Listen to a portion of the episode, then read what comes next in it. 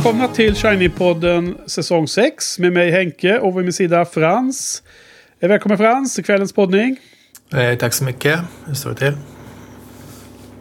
Det är ganska bra. Eh, Det var inte så många dagar sedan vi poddade senast eftersom det var sent i veckan då och nu är det tidigt i veckan. Så att eh, det är härligt att sitta här igen med ytterligare en film. Eh. Det, det här är ju femtonde filmen för säsongen och också den näst sista filmen innan vi avslutar säsong 6 och tar ett litet break.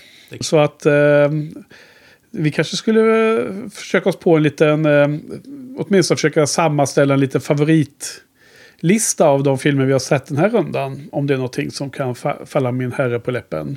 Oj! Vad tror du om det? Ja, ja, vilken, eh, vilket mastodontuppdrag. Men det ska jag väl klara av till nästa vecka alltså. Till nästa vecka, då är det sista filmen vi kör. Då får vi väl avsluta med en topp fem eller något sånt där. Tycker jag kan vara trevligt. Det är, jag, jag tycker det är alltid roligt att sammanfatta sitt eget huvud lite vad, vad, vad den här omgångens filmer har givit och så. Och det, det, det gör jag genom att formulera en topplista av, av, av materialet som vi har sett så att säga. Ja. Så det, har- det har jag tänkt göra i alla fall. Jag kommer ihåg att förra gången så, så, så körde du ganska strikt efter din letterboxd. Så den, den, eh, den, den sajten och de betygen som är där kan man ju alltid ta hjälp av om man vill få, få, få en bra start på sin eh, ordning. Just det. Men, eh, en intressant fråga förresten, för att jag, jag pratar om det ofta med filmbloggarkompisar, Jojje och andra, att det här är liksom skillnaden mellan betyget som man har direkt efter man har sett en film och eh, olika tidsperioder efter man har sett filmen då. Och, och huruvida man ställer sig inför att det faktum att man kan tycka annorlunda efter ett tag om en film. Och man kan tycka annorlunda om en film väldigt lång tid efteråt. För det har hunnit liksom rumla runt i huvudet länge och så.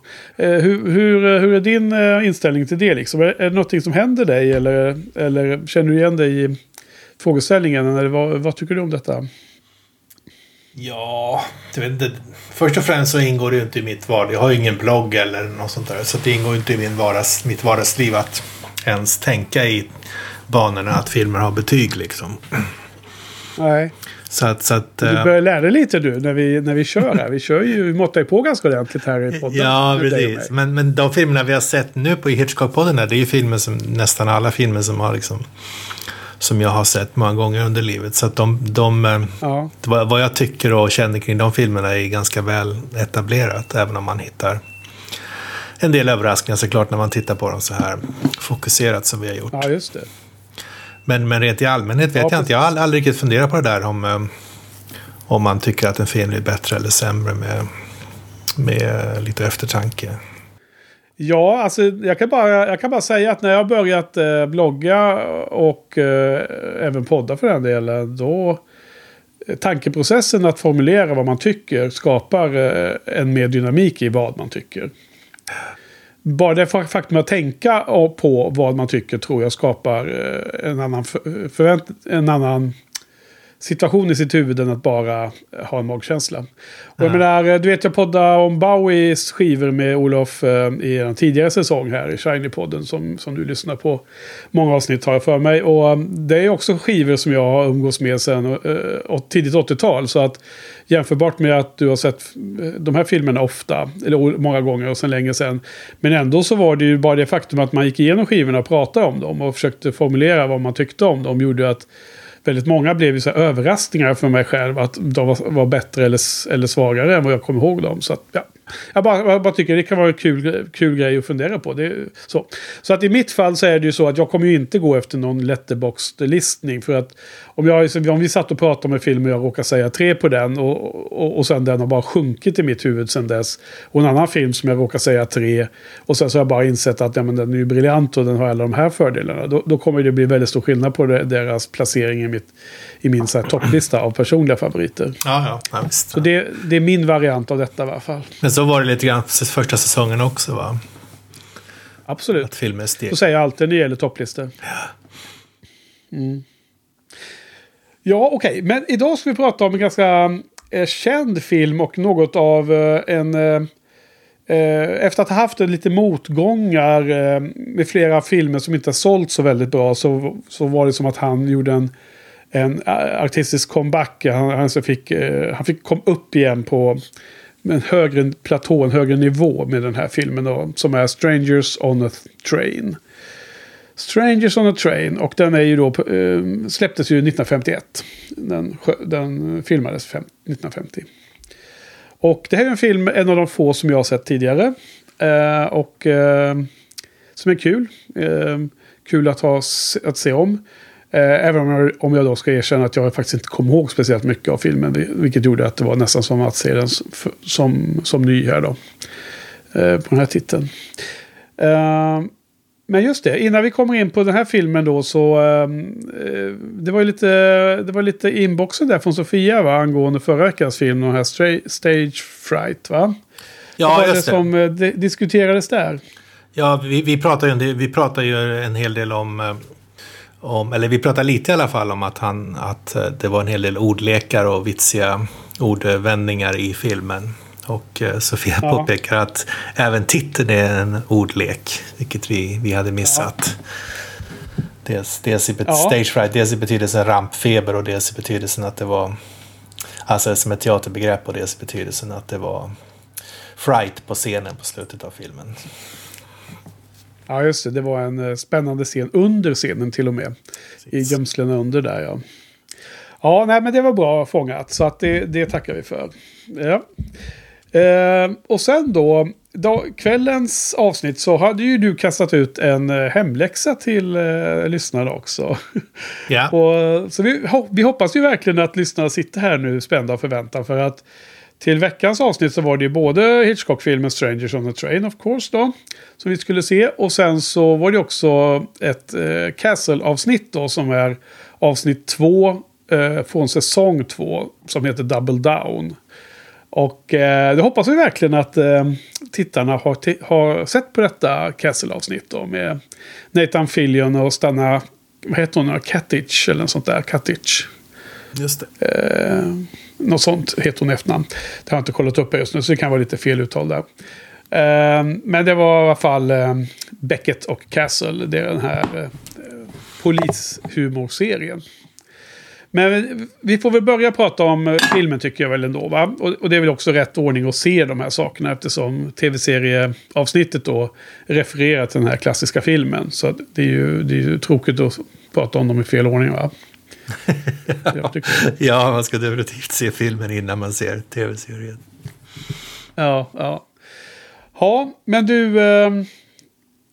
Vi får väl kasta oss in i den här filmen då. Den är ju faktiskt skriven av... Den bygger på en bok också då som Hitchcock eh, köpte anonymt från eh, eh publicisten då. Så han fick den för väldigt billigt då. Eh, den här... Eh, eh, rättigheten att göra film på den. Och jag gissar att hade han liksom givit sitt eget namn så hade det säkert varit mycket dyrare pris då för filmrättigheterna.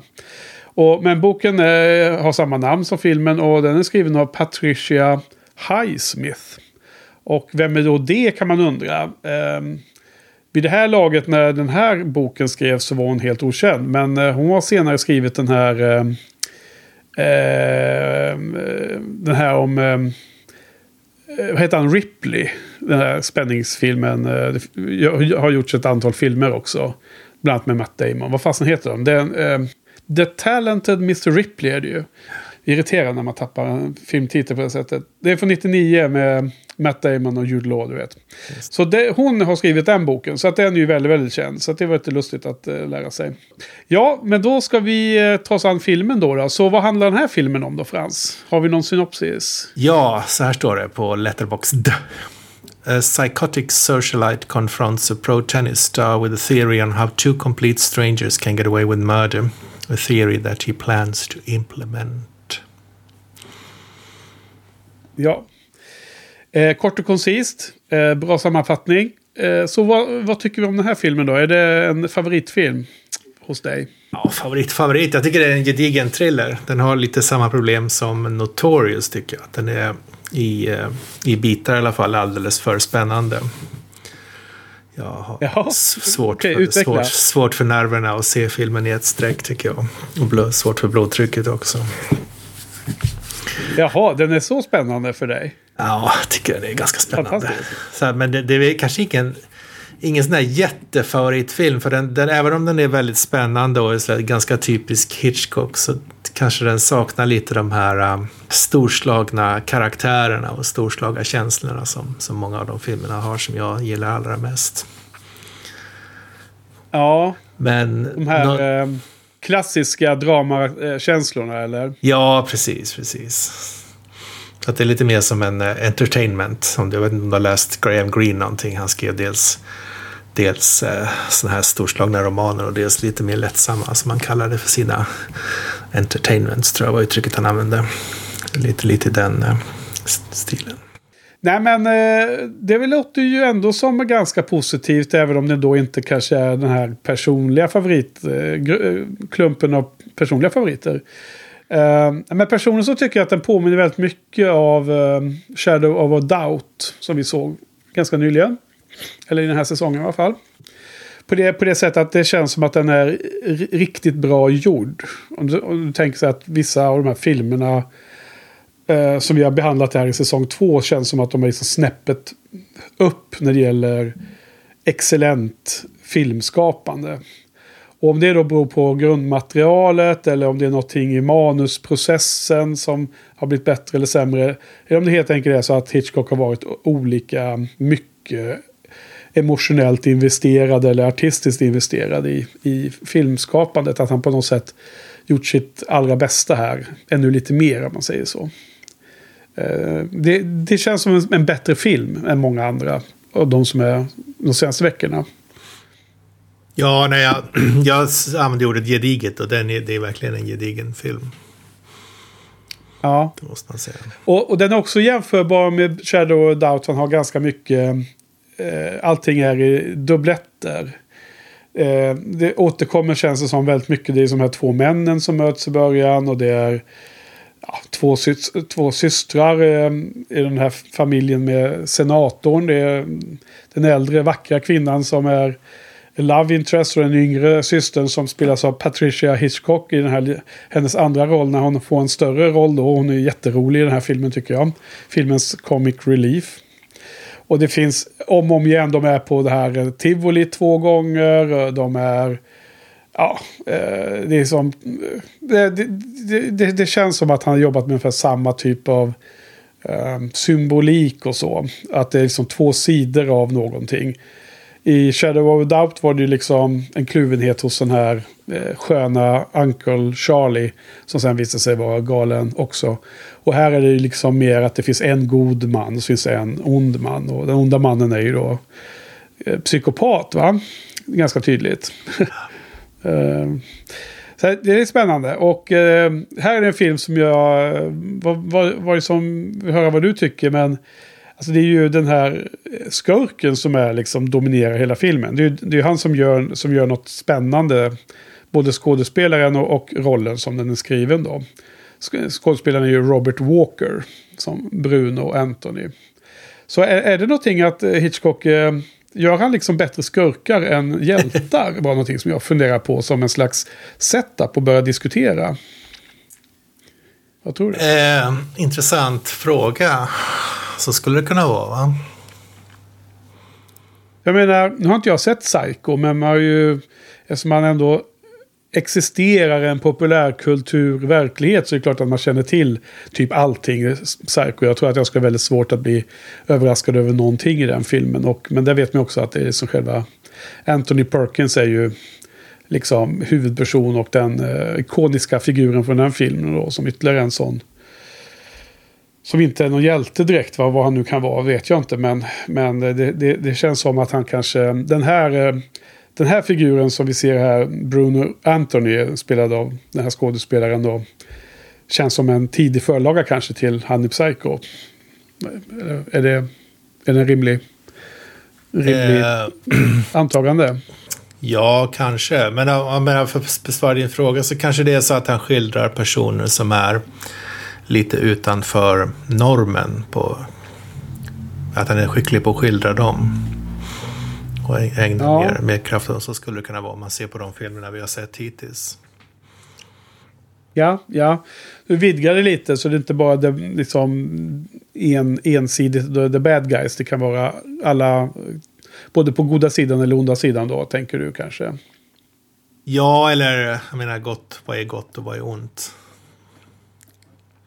Ja, man får, väl, man får väl ändå säga att det här måste vara en av de mest eh, elaka och onda skurkarna i Hitchcocks filmografi som vi har sett hittills. Va? Den här eh, psykopaten som, som, gör, som, som mördar den här oskyldiga kvinnan på det sättet. Och med helt utan någon som helst eh, ånger eller eh, effekt på hans eh, glättiga lynne liksom efteråt. Han, han visar ingen ånger alls. Det är ju ren ondska det här som han är.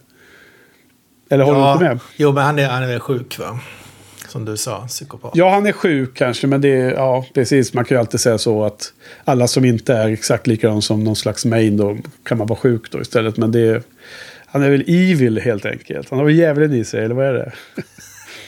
ja. Ja. Men du, har, har du sett eh, eh, När lammen tystnar? Den här kända thrillern från 90-talet. Eh, Anthony, Den är jättekända. Anthony Hopkins. Ja, den såg man väl då när man gick på universitetet va? ja, precis. Det är så lustigt va, för att eh, man ser ju här eh, Bru- Bruno som karaktären heter, som då och skådespelaren igen då, Robert Walker. Han, han har precis samma kroppsspråk, eller rättare sagt Anthony Hopkins. eh, Hannibal Lecter har precis samma kroppsspråk som Bruno här i den här filmen. Vad Han, lustigt. de, han, Nej, men det är lustigt, lustigt för jag har skrivit att han har samma kroppsspråk som Bill Murray. Jaha. Ja, det är möjligt att det finns också i så fall. Ehm, Men nej, jag tycker att han, eh, när i Lammen tystnar, när eh, Agent Sterling kommer in och träffar Hannibal Lecter första gången och han bara står rakt in i sin eh, jättesäkra cell där med alla de här säkerhetssystemen. Så han bara står så här med armarna längs sidan och ser, alltså han ser helt neutral ut men det är också extremt oroväckande. Jag kommer ihåg när jag Ja. såg det, jag var ju superrädd för den här karaktären. Eh, och precis på samma sätt står ju den här Bruno vid några lägen när han är som mest... Eh, eh, alltså han är inte aktivt hotfull men det är så, det, det är så creepy och, det, och det, det är så udda liksom så att man, man blir liksom instinktivt rädd. Um, och det är lite samma sak. Han, ehm, det är en ganska schysst eh, scen som Hitchcock har filmat när eh, vår, vår den andra snälla personen, om man nu får kalla dem snäll och ond då, då för det är väl så de, de flesta tolkar de här två. Eh, eller den andra mannen då, som, som den andra huvudpersonen då, Guy Haynes, det här tennisproffset. Han, han, ska åka, han ska ju gå och träna, på en ten, träna tennis helt enkelt. Och då kommer de dit precis när det är en avslutning på en tennismatch. Och alla i publiken sitter och följer bollen, vet, fram och tillbaka, vänster, höger, vänster, höger. Precis som publik ser ut på tennismatcher. Och så sitter den här, eh, den där Bruno då, helt blickstilla och bara stirrar på Guy.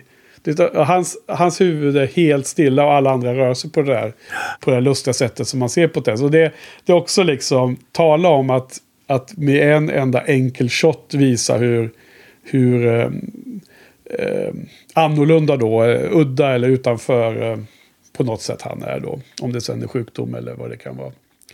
Han har ju fått det från sin helt, helt vansinnigt galna mor också.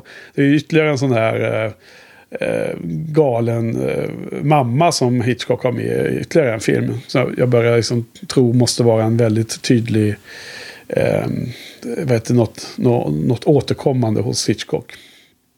Eh, det var också en annan shot när de är i Washington. och för, han- för den här Brunos, eh, han följer ju efter och är en sån här stalk, stalker på, på våran huvudperson. Och, och han står ju uppe där på några, ovanför några trappor. Han har gått upp i något stort monument där med stora pelare. Då står han där helt blickstilla och, och stirrar ut på, våra, huv, på vår huvudperson som blir superstressad och kastar sig in i en taxi och åker iväg. Det är också så här liksom otroligt creepy scen. Liksom. För det, det, är så, det är så onormalt på något sätt så att det är, det är liksom, eh, känns oroväckande. Det, det är bra, bra gjort av Hitch tycker jag med de här scenerna. Så. Ja, okej. Då har vi kommit in på vissa, vissa saker runt det. Ja, men thriller-elementet då. Du säger ju att den var så spännande. Eh, att det nästan var svårt att se i en, en, en sittning. Eller vad sa du? det var jättehärligt. Eh, vad är det som är jättespännande då? Berätta mer. Vad är det som... Eh, vad som du fann som mest spännande i den här filmen? Ja, det, dels så är det ju den här oron som finns i filmen på grund av hans, hans uppträdande, Bruno, som du har beskrivit ja, ja. mycket väl. Men sen så är det också spännande tycker jag hur, hur det ska gå. Hur, dels kommer, kommer Guy att genomföra kont kontramordet på Brunos far. Det vet man ju inte. Och som jag förstår i, i boken så, så vek han sig för pressen från Bruno och gjorde det här, genomförde det här mordet, utförde det här mordet. Ja, vilket Hitchcock har ändrat på här. Och, och i, i Castle-avsnittet som, kom vi, som vi kommer att prata om senare så finns det ju en tredje variant där de båda, båda genomför morden utan några som helst eh, press. Alltså de, de, de är båda med på det helt och hållet från början. Så, alltså, det är det, det som är spännande. Men sen är det också spännande hur, hur 17 eh, kom, hur 17 ska Guy klara sig egentligen. Ja. Bruno har ju alla trumfkort på handen när han har den här tändaren som man ska plantera. Och alla tror att G har gjort, har, begått mordet. Jag tycker det är spännande. Men det, det är mycket också i, bara i själva stämningen som gör att man känner, man känner sig liksom lite orolig. Man vill veta, man vill snabbt, snabbt vidare och inte, inte behöva sitta kvar och, och titta på det här liksom. På, på, ja, Nej, men jag, jag, tror att den där stämningen är ju jättebra gjort av, av Hitch och alla, alla inblandade. Så att där är ju helt klart eh, plus i kanten för filmen och så. Uh, och sen då handlingen, handlingsmässigt där om hur kommer Guy hantera det här. Det, jag håller med om att, att uh, det, man är intresserad av det om inte annat då. Uh, spänningen i mina ögon är mycket beroende på att det är en creepy feeling i filmen då. Och sen då, ehm, ja, de, de, de, säljer väl det där ganska väl. Men, men jag har ju, har ju sett en hel del um, jag har sett en hel del dokumentärer på den här DVD-utgåvan som fanns med i en box här. Och ehm, det pratas en del om att, att det var lite synd kanske att inte Hitchcock mer spelade upp liksom att, eh, att det tydligen finns någon form av... Att båda de här eh, männen hade liksom en mörker i sig. Eh, det verkar ju som att man har valt att göra den här tennisspelande, den här Guy då, den här Guy eller Guy, vad han nu uttalas. Eh, huvudpersonen då som liksom bara oskyldig här. Men, men eh, det skulle ju säkert vara lite mer intressant psykologiskt drama om han var lockad av att göra, gå, ingå den här dealen med den här galningen. Men ändå inte, men, men liksom hans, eh, hans anpassning i samhället förbjöd honom liksom att genomföra det. Eh, så här i filmen nu, eller? Förlåt du? Ja, nej men jag tycker att det är så. Jag tycker att det, det är implicit för att Bruno ja. då, som alla de här äh, sjukliga, eller sjuka personerna i Hitchcocks filmer, så har han en enorm personkännedom. Och han har ju valt, valt den här Guy som av alla han kunde välja liksom. Så att det, det jag, jag ja, tror att, jag, det, det impliceras att, att det finns en chans att han skulle kunna göra det. På av, bara på grund av att han har blivit utvald av Bruno. Men, men utvald säger du, alltså det, det säger ju Hitchcock själv att, det, att de möts på en ren slump.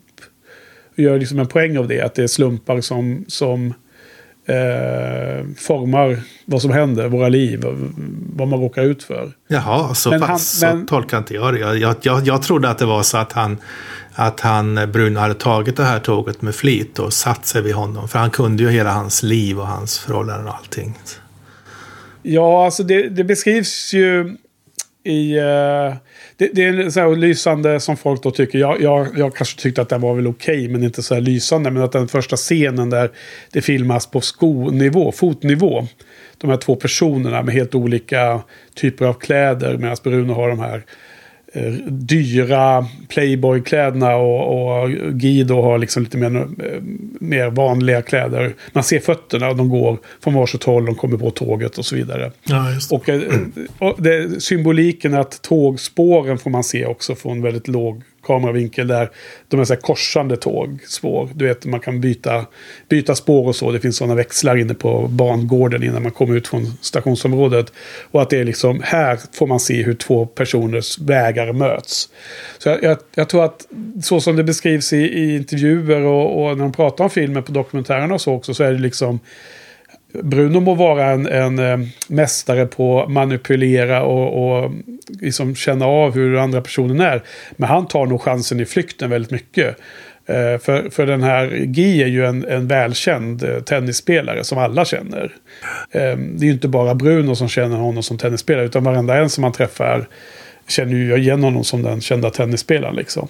Ja, ja, nej men det, köp, det uh, köper jag att jag, jag har missuppfattat det helt enkelt. Jag, jag, jag trodde bara att det var så att han hade att han hade satt stageat den, eh, det mötet där. Ja. Ja, det, är, det är kul med sådana här, eh, alltså det, när man bryter ner hur, hur de har tänkt där så är det ju väldigt, finns ju väldigt mycket myllan ofta. Och det är det som är kanske extra roligt med Hitchcock för att det, det känns som att det är extremt genomarbetat mycket av sådana här detaljer. Uh, och det är också därför det är värt att se om dem ju. Som du eh, lever bevis på att man kan göra och så att det finns värde. Okej, okay, nej men eh, eh, åter till, eh, till den där personlighetsbeskrivningen där. Ja, att han är... Eh, han, han, han är ju liksom överlägsen den här Guy såklart. Den här Bruno, den här psykopaten, är ju överlägsen honom absolut i många. Och han håller alla trumfkorten och så ja. Helt klart. Eh, däremot så tycker jag att det eh, är som ganska vanligt att uppbyggnadsfasen och, och kanske mittenfasen är de bättre i filmen. Och själva tredje akten som man brukar prata om då när det ska upp, när det, själva avsluten ska ske. Då tycker jag att det tappar lite den här filmen. Um, det är en ganska lång sekvens när man ska följa den här tennismatchen som sker. um, och det, jag tycker den är ganska så här, det blir lite tradigt faktiskt. Även om det är klipps mellan Brunos eh, resa till att plantera det här slutgiltiga beviset. Klipps med tennisspelarens GIS eh, tennismatch. Han ska liksom försöka vinna den så fort som möjligt så att han kan hinna och, åka iväg och eh, oskadliggöra beviset då så han inte blir oskyldigt anklagad för mord. Ja, och det är lite alltså, tradigt. Ja. Eller? Vad tror du? Är det... Ja, jag, jag, tyckte faktiskt att, jag tyckte faktiskt att det var ganska spännande. Jag tyckte det var ett ganska kul grepp måste jag säga. Ja. Med tennismatchen. Ja. Det, men det finns ju flera, flera dimensioner där. Dels, dels är det kul att se grästennis. Det ser man inte så ofta nu för tiden. Nej, det, Wimbledon. Ja, det är i princip bara Wimbledon. Va? Och, eh, men, nej, men sen, så jag tyckte det var ett jättehäftigt grepp faktiskt. Att, att, eh, att ha den här klockan som var hur, hur, matchen gick liksom. Och, och att han var så pass... Eh, han hade sån vinnarskalle att eh, han, ville, han ville ha slut på matchen fort men att, att, eh, att lägga sig och förlora matchen det, det var inte något han ens reflekterade över. Ja, nej precis här. Det, det är så lustigt för att jag, jag kände två stora frågor i huvudet när jag såg filmen. Och så kommer båda upp från uh, Truffaut i den intervjuboken som jag sa, just satt och läste här för en liten stund sedan. Och han ställde precis samma frågor till Hitchcock då. Alltså det, det ena var ju då om det här, men varför bara sket han inte i matchen liksom om det var så viktigt då för att uh, slippa bli mordanklagad då i fängelset. Eh, det, det pratas väl till och med om att det var dödsstraff och sådär va. Eh, I, I den delstaten det här handlar om. Så att då, då tyckte bara Hitchcock att äh, det fanns inget svar på det. Men det, men det första var ju så här, var, varför ringde han inte bara till polisen med en gång då när den här galningen dyker upp där i den här jäkla gränd och säger att han har mördat Gis fru. Och då i det läget så kan man ju bara prata med polisen och så får man ta sina chanser liksom. Man hoppas att man inte alltså man är oskyldig då. Han är ju oskyldig så att, att det på något sätt kommer fram då. Men då så tyckte Hitchcock, nej men det hade vi på noggrant etablerat i filmen att han kunde inte gå till polisen. Eh, för, för, just för att liksom, hur var det med alibit och sådär va. Mm. Eh, personen tycker att det inte var så väl etablerat som man skulle kunna önskat då. då utan jag, jag drog så ganska länge med den här tanken att hela det här konceptet bygger ju på att att han bara fallerade att gå till polisen en gång. Alltså det var ett enkelt sätt att hela den här filmens spänning inte skulle vara där längre. Så att personligen tycker inte jag att Hitchcock har rätt i att det noggrant etablerades. Den här. Men jag vet inte, hur, hur, kände du? Tyckte du att det var, tyckte du någon gång, tänkte du någon gång att det var rimligt att han eh, varför pratar han inte bara med polisen då? På, på samma sätt som han bara pratar med sin flickvän Ann där och hon, hon köpte hans story ganska enkelt liksom. Han bara förklarar ja, hur det var. Jag vet inte, det var inget jag, jag satt och störde mig på i alla fall. Jag tror jag köper dem, köper, köpte den utan, utan att eh, noggrant analysera huruvida det var rimligt eller inte så köpte jag det i alla fall. Det, det, ja. det känns som att det är ofta den typen av eh, logiska halvluckor finns, finns ganska ofta i de här filmerna. Att det finns liksom ett mycket, mycket bättre sätt att bete sig på i början för att undvika alla problem. Och det får man väl bara köpa. Ja, att de, de gjorde inte det valet. återkommande. Ja. ja. Ja, men för att sätt, så, så, de, de gör val hela tiden. Och då frågan, ska man sitta och ska man liksom ifrågasätta deras val eller ska man bara köpa att de gjorde det valet och nu får vi se konsekvenserna av det? Ja, eh, precis.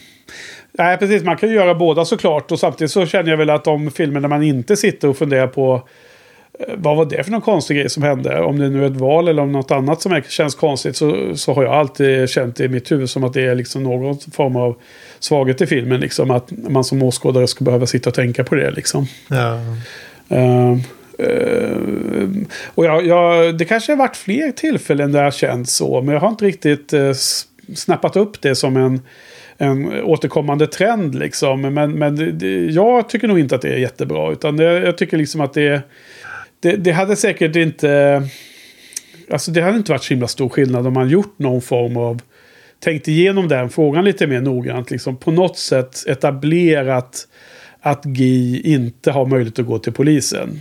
Liksom lägga lite mer en, energi på det tidigt i filmen för att liksom vi ännu mer ska sitta i ett att den här galningen ska ha honom liksom by the balls. Liksom. Att man är helt fast i den här galningens nät eller väv. Liksom, i, och måste liksom följa hans spel som det handlar om här. Va, vad är förklaringen? Alltså, Guy, alltså Bruno förklarar ju för Guy varför han inte kan gå till polisen. Men vad är, det, uh, vad är det han säger mer specifikt? Ja, bra fråga. Alltså, jag tror att han, han hänvisar ju till att då kommer, han säger så här, då kommer vi ju båda bli anklagade för mord för att vi, vi har ju planerat där ihop. Ja, just det. Det är något eh, sånt han säger. Ja, precis. Eh, Chris Cross, säger han ju så här. som, som ett utropstecken. Alltså det, det, det, är så lustigt för att den här scenen som är eh, i början av filmen när de ses då som jag då tror helt slumpmässigt så Uh, bjuder ju Bruno in till lunch och så tackar ju Guy nej. Men sen så finns, är det ju fullt i, i restaurangvagnen. Så att okej, okay, han följer med Bruno in till den här Eh, eh, lunch, andra lunchplatsen. Och där sitter de och pratar och den här eh, galningen förklarar då att han kommer på ett, det perfekta mordet.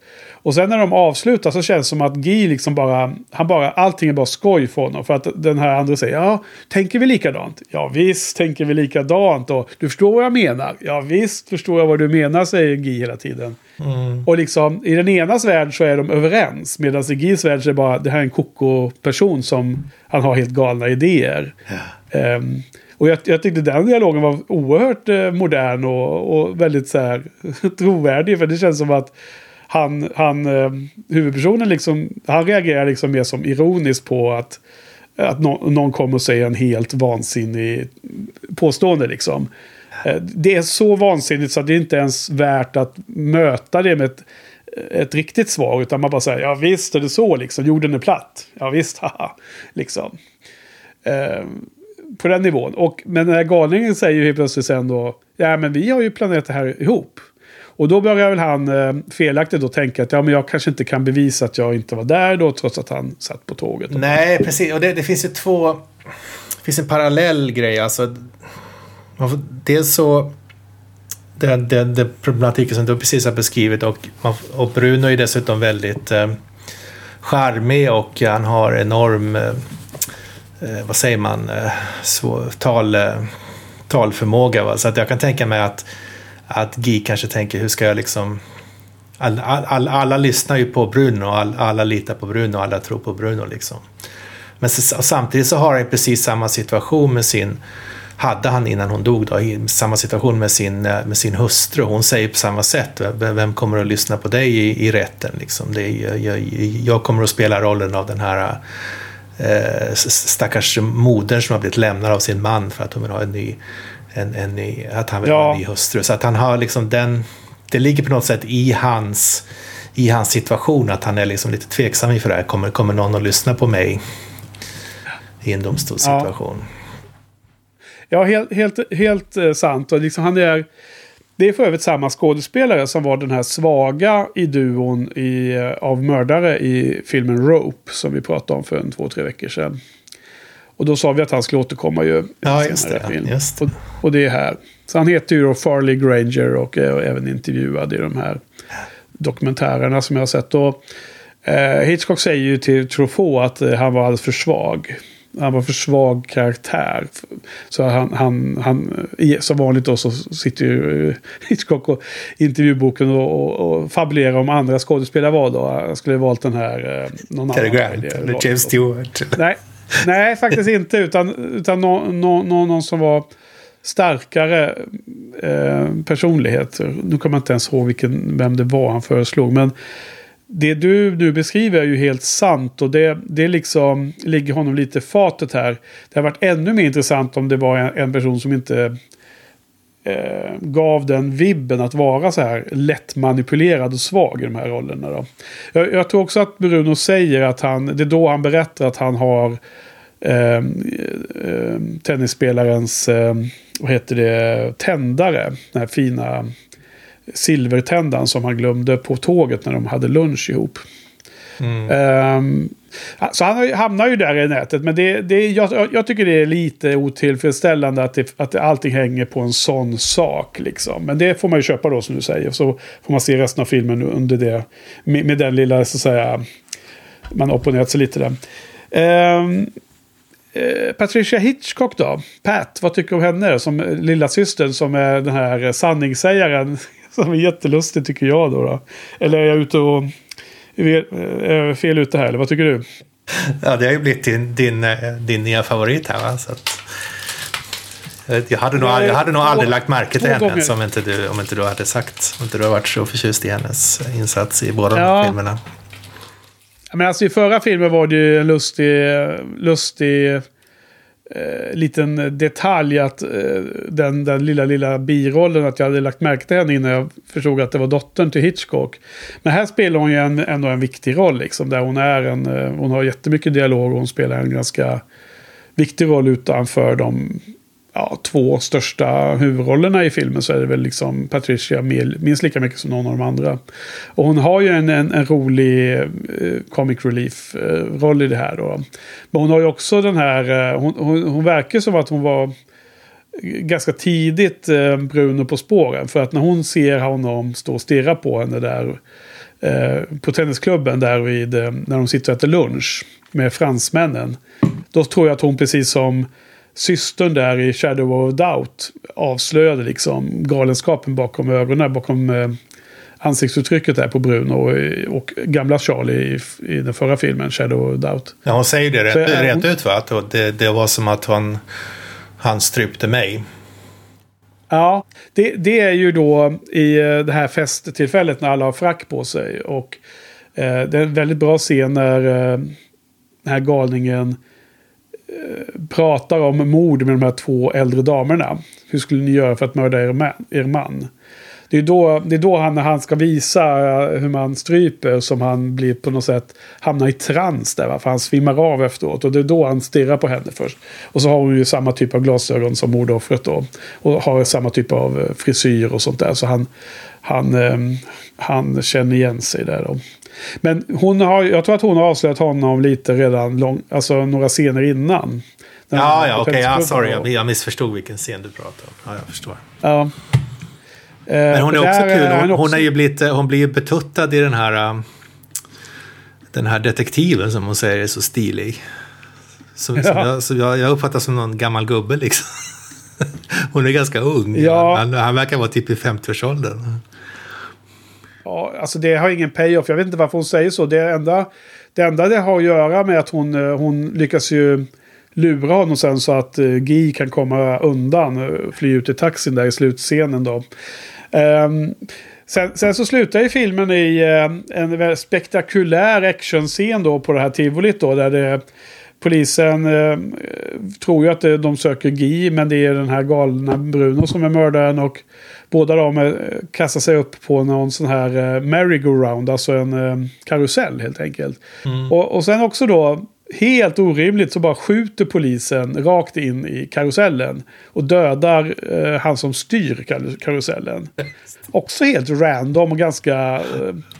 Eh, alltså antingen så är det ju någon form av... Eh, eh, surrealistisk film helt plötsligt som det för liksom 10 sekunder filmen blev. Eller så är det bara dåligt skrivet då. då. Men då, då så... Uh, han, han dör den här uh, skötaren, den här karusellskötaren dör så sätter han in högsta fart då, som tydligen är en väldigt hög fart. och, och hela den där scenen är tydligen filmas som en miniatyr sen när den snurrar fort, fort, fort. Och, ja. Men, men det är både och. Vad tycker du om hela den då? Jag menar det är, det är så här, motsvarigheten till dagens actionscener. Har ju, finns ju även här på Hitchcocks nivå. Eh, det ska alltid avslutas med någon form av actionuppgörelse. När det är så spänningsfilmer och poliser och mördare. Jag tyckte den var ovanligt, ovanligt bra faktiskt.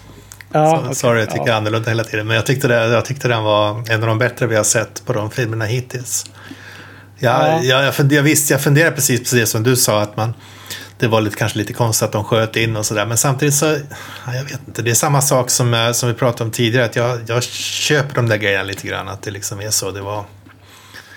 Ja. Och att det blev konsekvenserna. Men, ja, men jag, däremot så, har jag, sannoliken... så, så, har jag förstått att den scenen ingår inte i boken, Patricia, Patricia Highsmiths bok, utan han har snott hela den scenen från en annan bok tydligen, som är helt, helt okrediterad.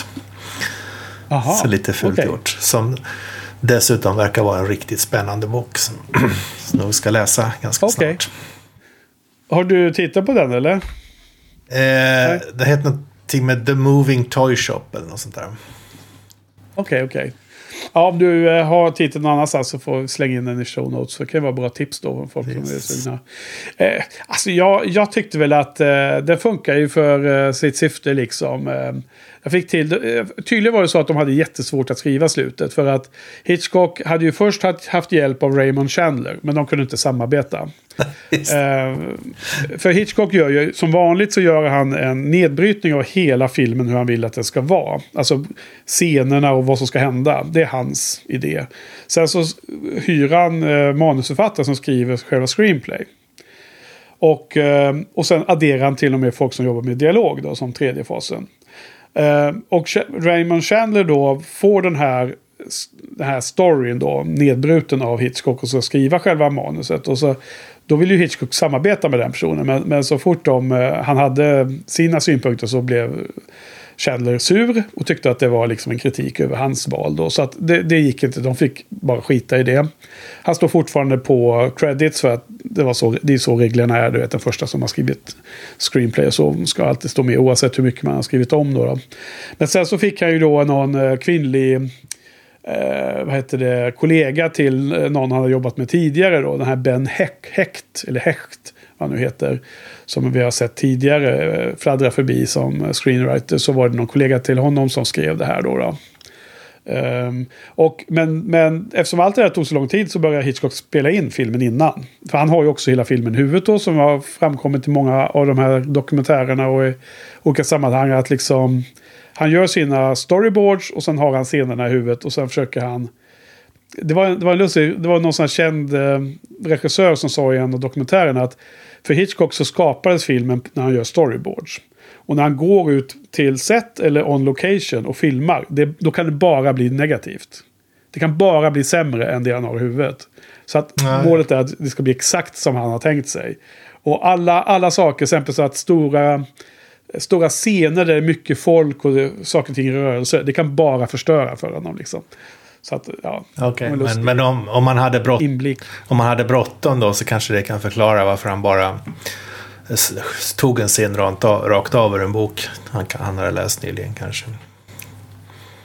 Ja, precis. För han spelar in vissa scener först och sen, sen så filmar de film, mer av filmen och sen i slutet hade de inte nått slut och de hade svårt att komma fram till det här att Bruno skulle dö och samtidigt skulle han in, ända in i sista andetaget försöka framea Guy och samtidigt skulle poliserna få reda på att Guy var oskyldig. Mm. Och de löste det med det här, den här kraschen av karusellen och, och Bruno hamnade underst och blev klämd och, och liksom dog av de skadorna. Att om han pratade med honom, fast han, han liksom, trots att han var döende så kunde han liksom inte fria den andra mannen. Han skulle fortfarande jävlas med, med Guy. Och sen det här med att han hade den här, det här eh, enda beviset som, som skulle då vara polisens eh, bevis att Guy hade gjort jobbet, eller mordet, hade han ju i sin hand där då, Bruno, den här den här silvertändaren då, då, som allting hängde på. Ja. Så att jag vet inte. Jag tycker att den där snurra snurra liksom, det var väl sådär bra. Alltså det är inte jättebra.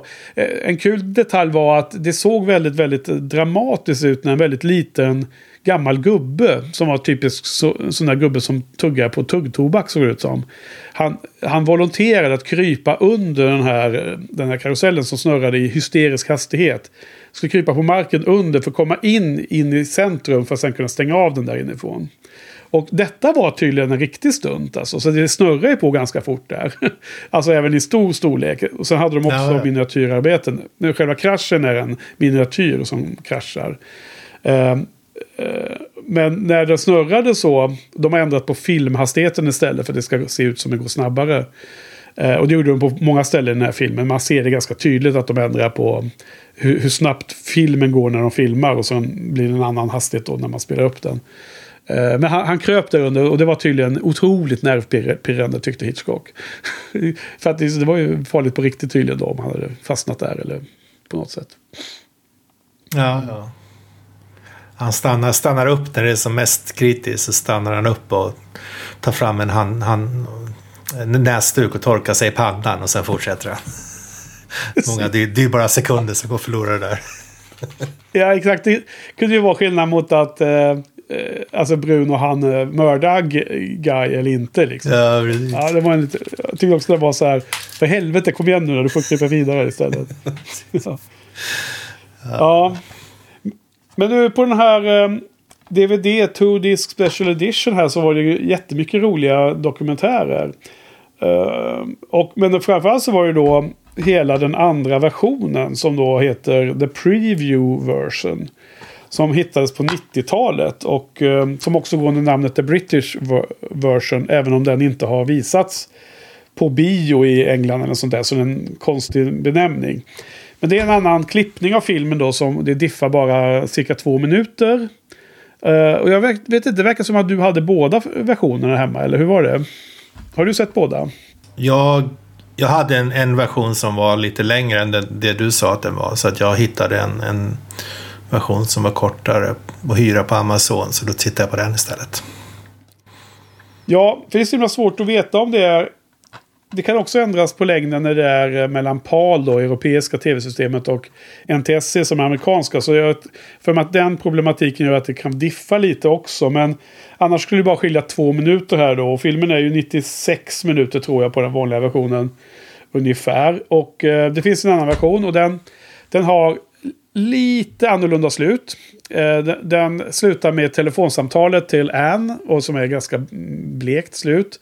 Eh, nu får vi en bra bookend att Anne och Guy åker tåg i slutet. Och du får en, en humoristisk liten slutscen där, där eh, den här prästen då känner igen Guy med en gång och så säger frågar, är inte du Guy Haynes? Och så ser han glad ut och sen direkt kommer han att tänka på oj då, farligt att börja prata med främlingar på tåget. Så han flyr undan då tillsammans med en. Det är en lite lustig scen tycker jag. Jaha, men det, men det, det, det, det slutet fick inte jag. Jag fick det här slut. Mitt slut var eh, telefonsamtalet med Anne. Okej. Okay. Som, kände, som, ja, som kändes som ett riktigt Hollywood-slut. det kändes som att det riktiga slutet var ju på Nöjesparken. Ja, Precis. Eh, det är som allting wraps up där i slutet. Men du, men du fick ju det dåliga slutet som alla dokumentärer säger. Att ja, ja, okej. Okay. Ja, det var ju trist. Då. Skiljer sig, skiljer sig framförallt på det dåliga slutet. Men det andra är att det är massor med scener som ändrats. Och det har klippts lite annorlunda. Och, och, då, och då kan man läsa sig till att den här um, preview version, eller om det är brittiska då, det är samma version med två olika namn.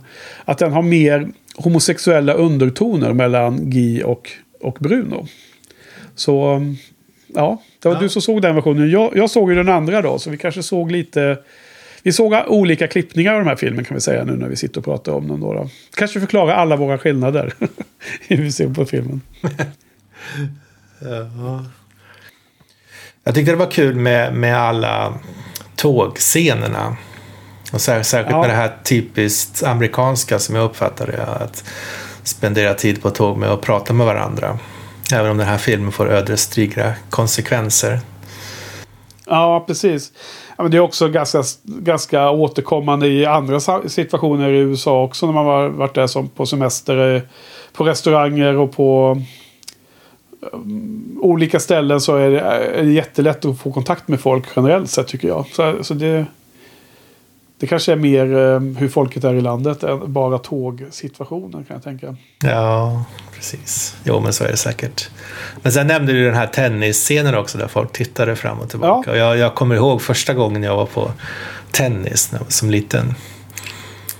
Såg, eh, ja. såg Ivan Lendl i Eskilstuna innan han var känd. Men då, då, jag kommer ihåg hur, hur fascinerad jag var över just det här eh, om man tittade över läktaren, att folk rörde huvudet fram och tillbaka. Ja. Jag, jag, var lite grann som han Bruno kanske. Satt stilla och tittade på, folks huvuden. Ja, du, det var du, du satt väl inte och... Ja. ja, det var enormt spännande med den här liksom, mass, mass vågrörelsen. När alla ansikten som rörde sig precis i takt fram och tillbaka. Ja. Eh, jag frågar mig dock om du satt och stirrade på en, en och samma person en hel match. Och aldrig tittade på Maniskt. Precis. Psykopatiskt ja. Precis, jag fick faktiskt hans... hans... Men var, det inomhus eller utomhus då? Den uh, matchen du såg? Det var inomhus. Det var i, uh, i handbollsarenan i Eskilstuna. Jag kommer inte ihåg vad den heter. Nej. För att, för att uh, jag har bara sett tennis en gång live. Och det var typ några så här, svenskar nästan på högsta nivån. Men inte... Men det var så fascinerande av hur hårt de slog och hur, mycket det, hur högt det lät. Och hur snabbt bollen gick. Ja. Som jag liksom tyckte att jag inte hade riktigt uppfattat via tvn faktiskt. Och det var också inomhus då. På, på sån här inomhusbana. Nej, allt, allting är mycket, alltid ser mycket långsammare ut i tv. Det stämmer ju. Ja. Jo, precis. Men det, det, det, det, var otrolig fascination att det var så stor skillnad. Då. Ja. ja, det är väl känt sedan länge av många. Ja, Jo, eh, men alltså jag tyckte det var den, den, eh, den filmscenen när han sitter och stirrar på, på Guy är ju då den första gången man ser tennis. Och, och, och den tycker jag är jättebra. Det är en väldigt kort scen och sen går de upp till eh, lunchen där, där fransmännen och det.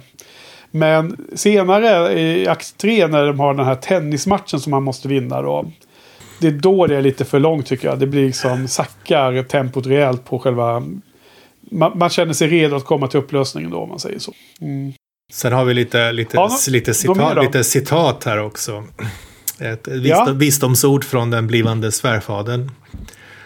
Never lose, never lose sleep over accusations.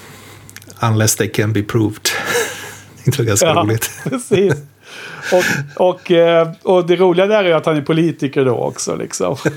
Man tänker att han kommer från den sfären. Precis, men sen det andra som är mer, mera tänkvärt är ju att Guy själv som säger When I'm through with tennis I'm going into politics. Så att det är ju en ganska stor kontrast med hur det är idag, 70 år senare. Det finns väl ingen idrottsstjärna som har det är väl ganska väldigt ovanligt i alla fall att man som idrottsstjärna har något akademiskt att falla tillbaka på. Man, man ja. offrar sin, sin barndom eh. för att, bli, för att bli så pass bra i sport. Va? Alltså här, här var det liksom bara en bisyssla de gjorde när de var unga och sen så gick de tillbaka till sitt riktiga, det, ja. det egentliga livet liksom. Ja.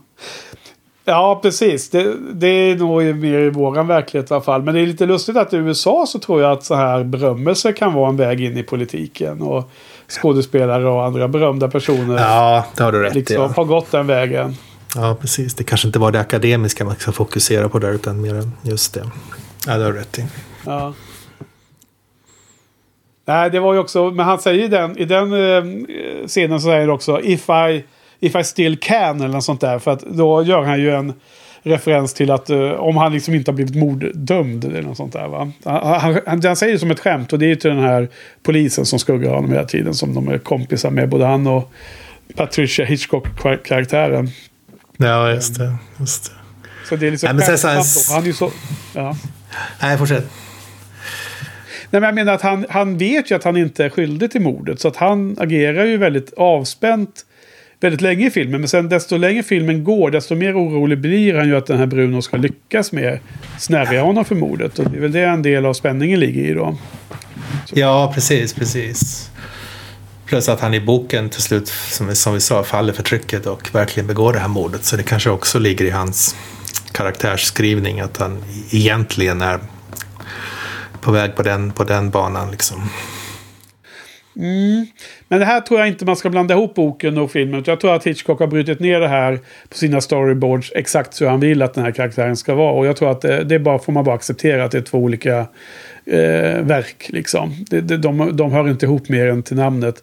För jag menar, om det är så att han eh, är mörk i sig och att det psykopaten har fiskat fram är just det som du är inne på. Att liksom det är mer en Eh, planerade, mm, liksom det är just honom jag ska ta för det här. För han har just det där mörkret i sig. Då, och boken utforskar det. Då är det för det första en mycket mer spännande eh, story som även har varit mer spännande i film tror jag. Än vad Hitchcock valde att göra det. Och det är framförallt en mer spännande, eh, inte så här svart och vitt att den ena är jätteond och den andra är som typ bara god. Och jag, och för jag, jag ser i alla fall inte det mörkret i, i huvudpersonen i den här filmen. Men jag hade gärna sett det. För då hade jag trott att det var mer spännande. Det har varit en mer modern film då tror jag.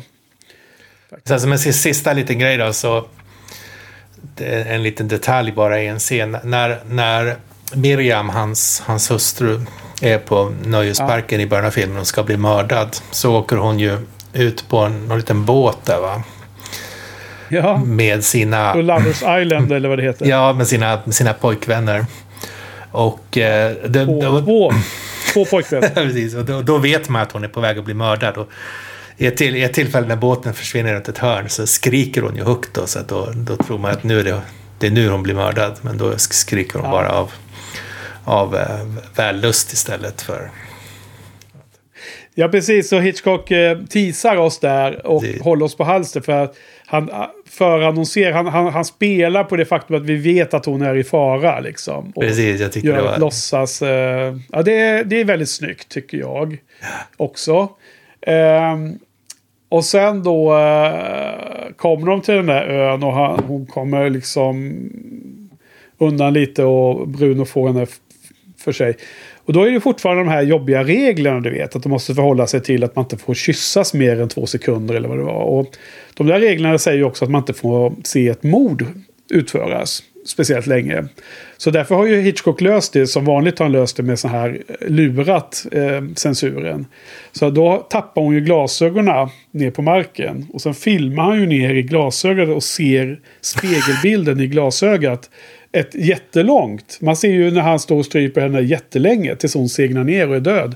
En väldigt otäck scen faktiskt. Den är inte blodig Ja. minsta men, men den är ju otäck rent eh, vad som händer och vad man ser. Och du ser det via det här glasögonet ju. Speglat i. Så det, man, man får inte se det här direkta mordet. Så man uppfyller de här koderna som fanns och allt vad det var. Eh, Ja, väldigt, just det. Väldigt bra gjort. Nej, det, ja, det, det tänkte jag inte på. Det borde jag ha tänkt på att vi pratar om det. Det var väldigt eh, lustigt. I, ehm, jag ska inte gå igenom alla dokumentärerna för vi har hållit på ganska länge nu ändå. Men jag kan bara nämna några lustiga grejer. Att det, en av dokumentärerna är faktiskt den här eh, regissören M. Night Shyamalan. Som eh, beskriver den här filmen i superdetalj. Massor med detaljer som han, han har fångat upp från sitt som regissör som kan se och, och är intresserad av detaljer. Och hur han är fascinerad av den här filmen. Så väldigt kul att höra hans eh, analys, nedbrytning av vissa scener. Sen var det en annan eh, kortare eh, featurette som hette någonting med... Eh, eh, eh, Strangers on a Train, The Victims Point of View.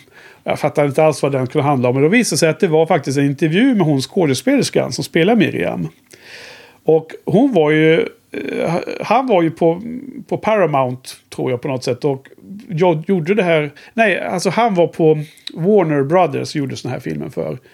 Och, och det var ju... Ja, han hade ju du vet eh, blivit fri från Selznick och han hade kört en egen firma ett tag. Och nu var han liksom på Warner här några år senare. Och hon var i alla fall på Paramount.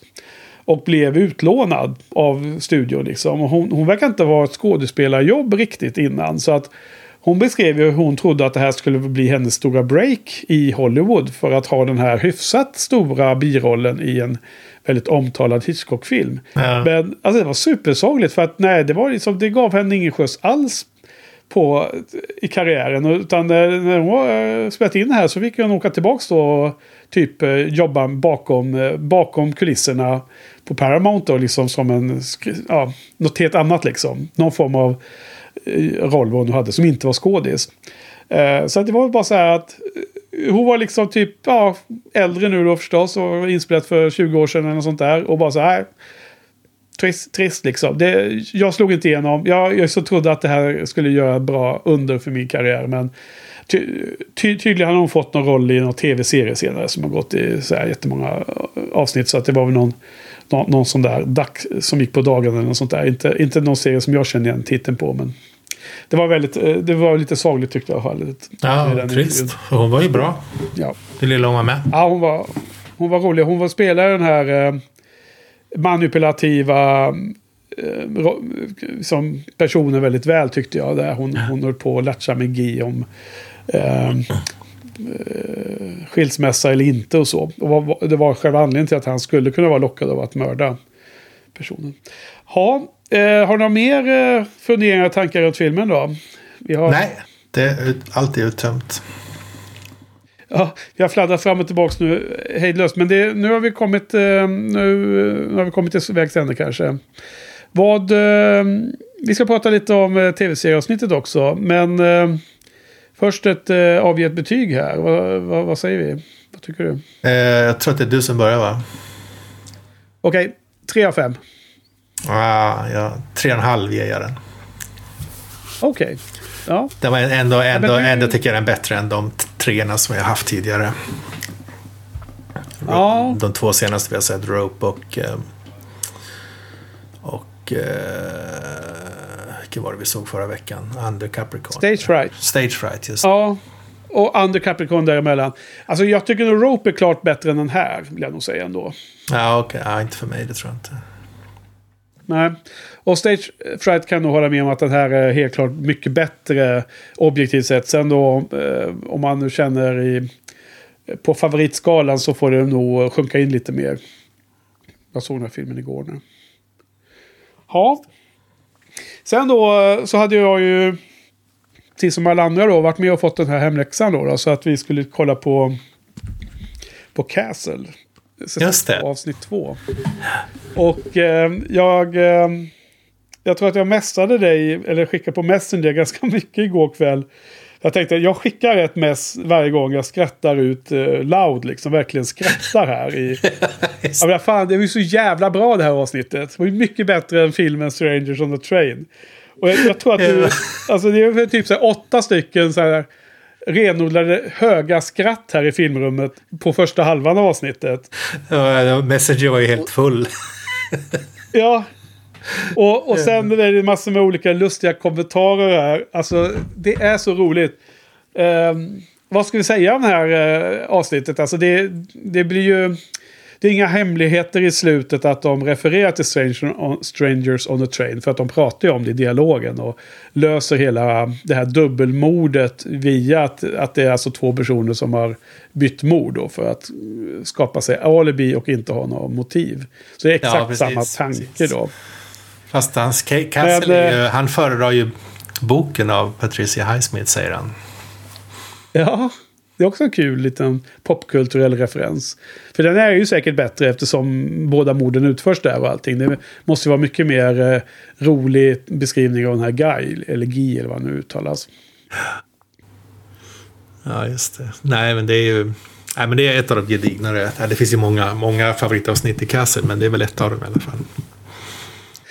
Ja, till, till börja med vill jag säga så här att eh, nu när det var nyåret där och det här tiotalet hade tagit slut och man skulle sammanfatta decenniet fick jag ju för mig på min filmlogg då. Eh, som ni, vi, ni, får länkat i show notes. Eller Fripps filmrevyer heter det ju.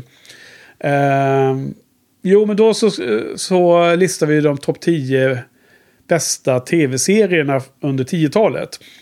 Som var liksom signifikanta på 10-talet var min idé i huvudet. Och eh, det var ganska svårt att... Man ser ju en hel del tv-serier och det finns massor med favoriter och så. Och då tog jag med Castle.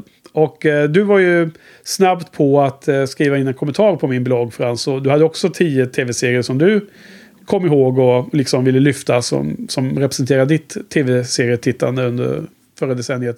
Och du hade också med Castle, eller hur? Ja, ja visst. Det är ju verkligen... Eh, är något som har följt med nästan i princip sedan det började 2009. Så det, är, det är verkligen spot on för den, det, det inlägget. Det passar, passar väl in i tidsperioden och allting. Det börjar precis i början.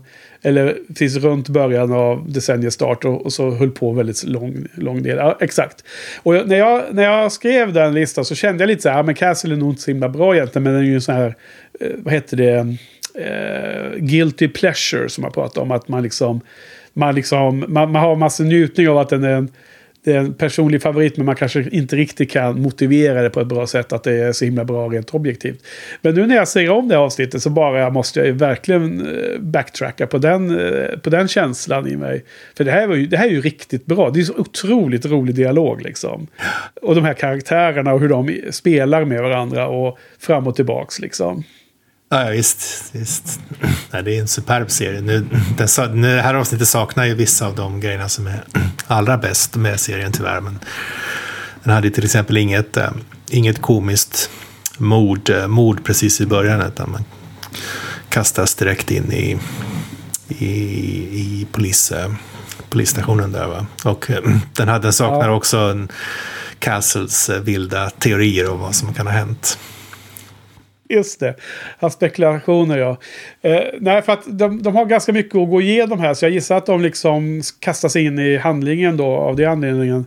Och det är ju som alla sådana här eh, 42 minuters eh, tv-serieavsnitt. Att det finns liksom en huvudstory i varje avsnitt. Så finns det liksom en bistory och så finns det då en tredje lite så här.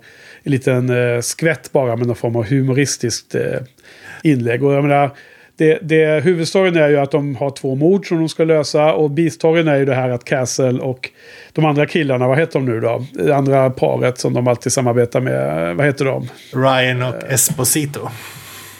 Ja, att de gör en betting om vilka som ska hinna först. Alltså antingen eh, Beckett och Castle på ena hörnan och eh, Ryan och eh, Esposito på andra hörnan.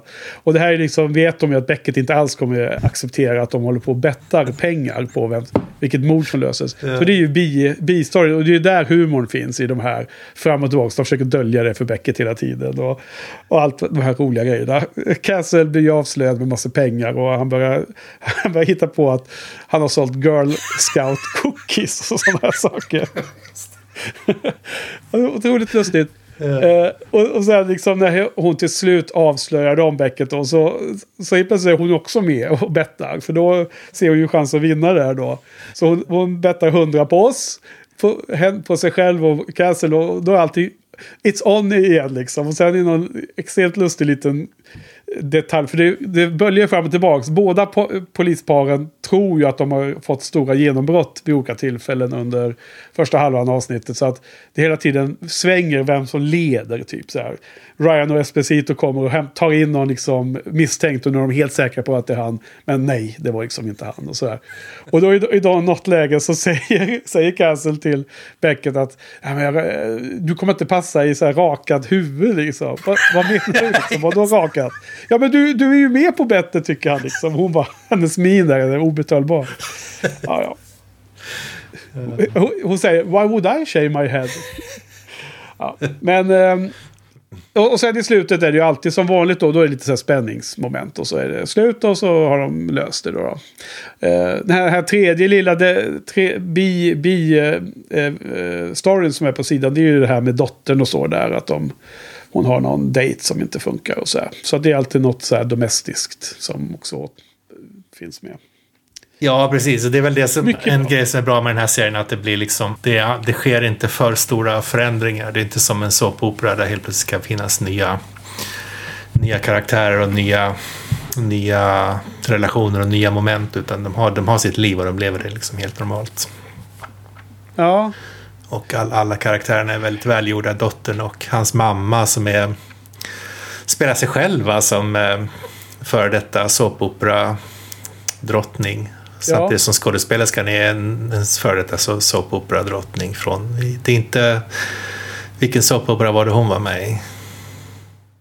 Ja, men det är väl inte Falcon Crest då, va? Nej, no, någon av de andra där hon hade den, den typen av roll som Jane Wyman hade i Falcon Crest. Absolut, hon heter ju Susan Sullivan. Och eh, hon var ju med i... Men hon var också med i Falcon Crest ju. Hon var yes, ju okay. Maggie Channing. ja, ja, okej, okay, det var på, samma Det var nog olika familjerna va, som fightas mot varandra kan jag gissa. Just det. Jag kommer inte ihåg. Men hon spelar ju precis sig själv. Hon, spelar, hon är också underbar i många scener när hon håller på med sitt teatraliska. Hon ska, alla, alla dessa idéer hon har för nya shower och annat hon ska hålla på med. Och det är också kul i det här avsnittet när Kassel kommer hem och hör att dottern håller på att bli misshandlad där inne. Och han blir jätterädd. Men då är, det, då är det hans mor som håller på och tränar på någon, inför någon audition med sitt barnbarn. Liksom. Allting är bara teater. Ja, precis. Mm. Nej, men jag blev ju så otroligt förtjust i det här avsnittet så att eh, först och främst att, att denna, denna liksom eh, poliskomediserie som det har inte vunnit några massor med priser och sånt där. Och den är superkul att se men den är ju liksom inte up där i Game of Thrones och så. I, i relevans i den popkulturella världen. Men jag bara tyckte att det var ju mycket roligare att se än uh, Stranger on a Train tyvärr. Alltså, så att ja, vi kanske poddar om fel ämne Frans. Vi får ja. köra Castle nästa säsong. Ja, vi kanske ska göra det. Han, han passar väldigt bra i den serien. Han har den här nya serien, jag vet inte om du har gjort den, The Rookie. Men där, den är också väldigt, eh, väldigt sevärd på grund av honom. Då. Även om den inte är så... Det är inte lika stor fokus på humor, men det är ändå väldigt bra gjort. Ja, alltså The Rookie har jag ju på min att se-lista för att jag tycker ju Night and Fillion är otroligt kul att se. Eh, allt han gör har det visat sig. Eh, så det är helt klart så att, eh, jag menar, givetvis då börjar med Firefly, men sen finns det mycket annat då som, eh, som har kommit sen dess. Eh, så det måste jag absolut se då, men hur långt har det kommit liksom? Det, har det varit en säsong eller är de inne på andra säsongen nu? Eller vad är, äh, du? Vad jag tror det, det tror det har varit två va? Jag minns rätt. Det var ganska länge sedan jag såg det. Men jag för mig att det har varit två säsonger. Ja. ja jag borde ju faktiskt eh, ta mig an och se den nu då. The Rookie TV-series. Ska vi se. Säsong 1 gick 2018-2019. Säsong 2 verkar gå 2019. Eller har gått. Eh, mellan september och fram, tio avsnitt. Är det bara tio avsnitt? Okej. Okay. Ja. Då var, då var säsong två mycket kortare än första då. Ja, men det är kul att ha det framför sig och, och så. Eh, men nu får man väl se om eh, Castle nu då. blir man ju lite inspirerad här. Kanske man skulle se om det.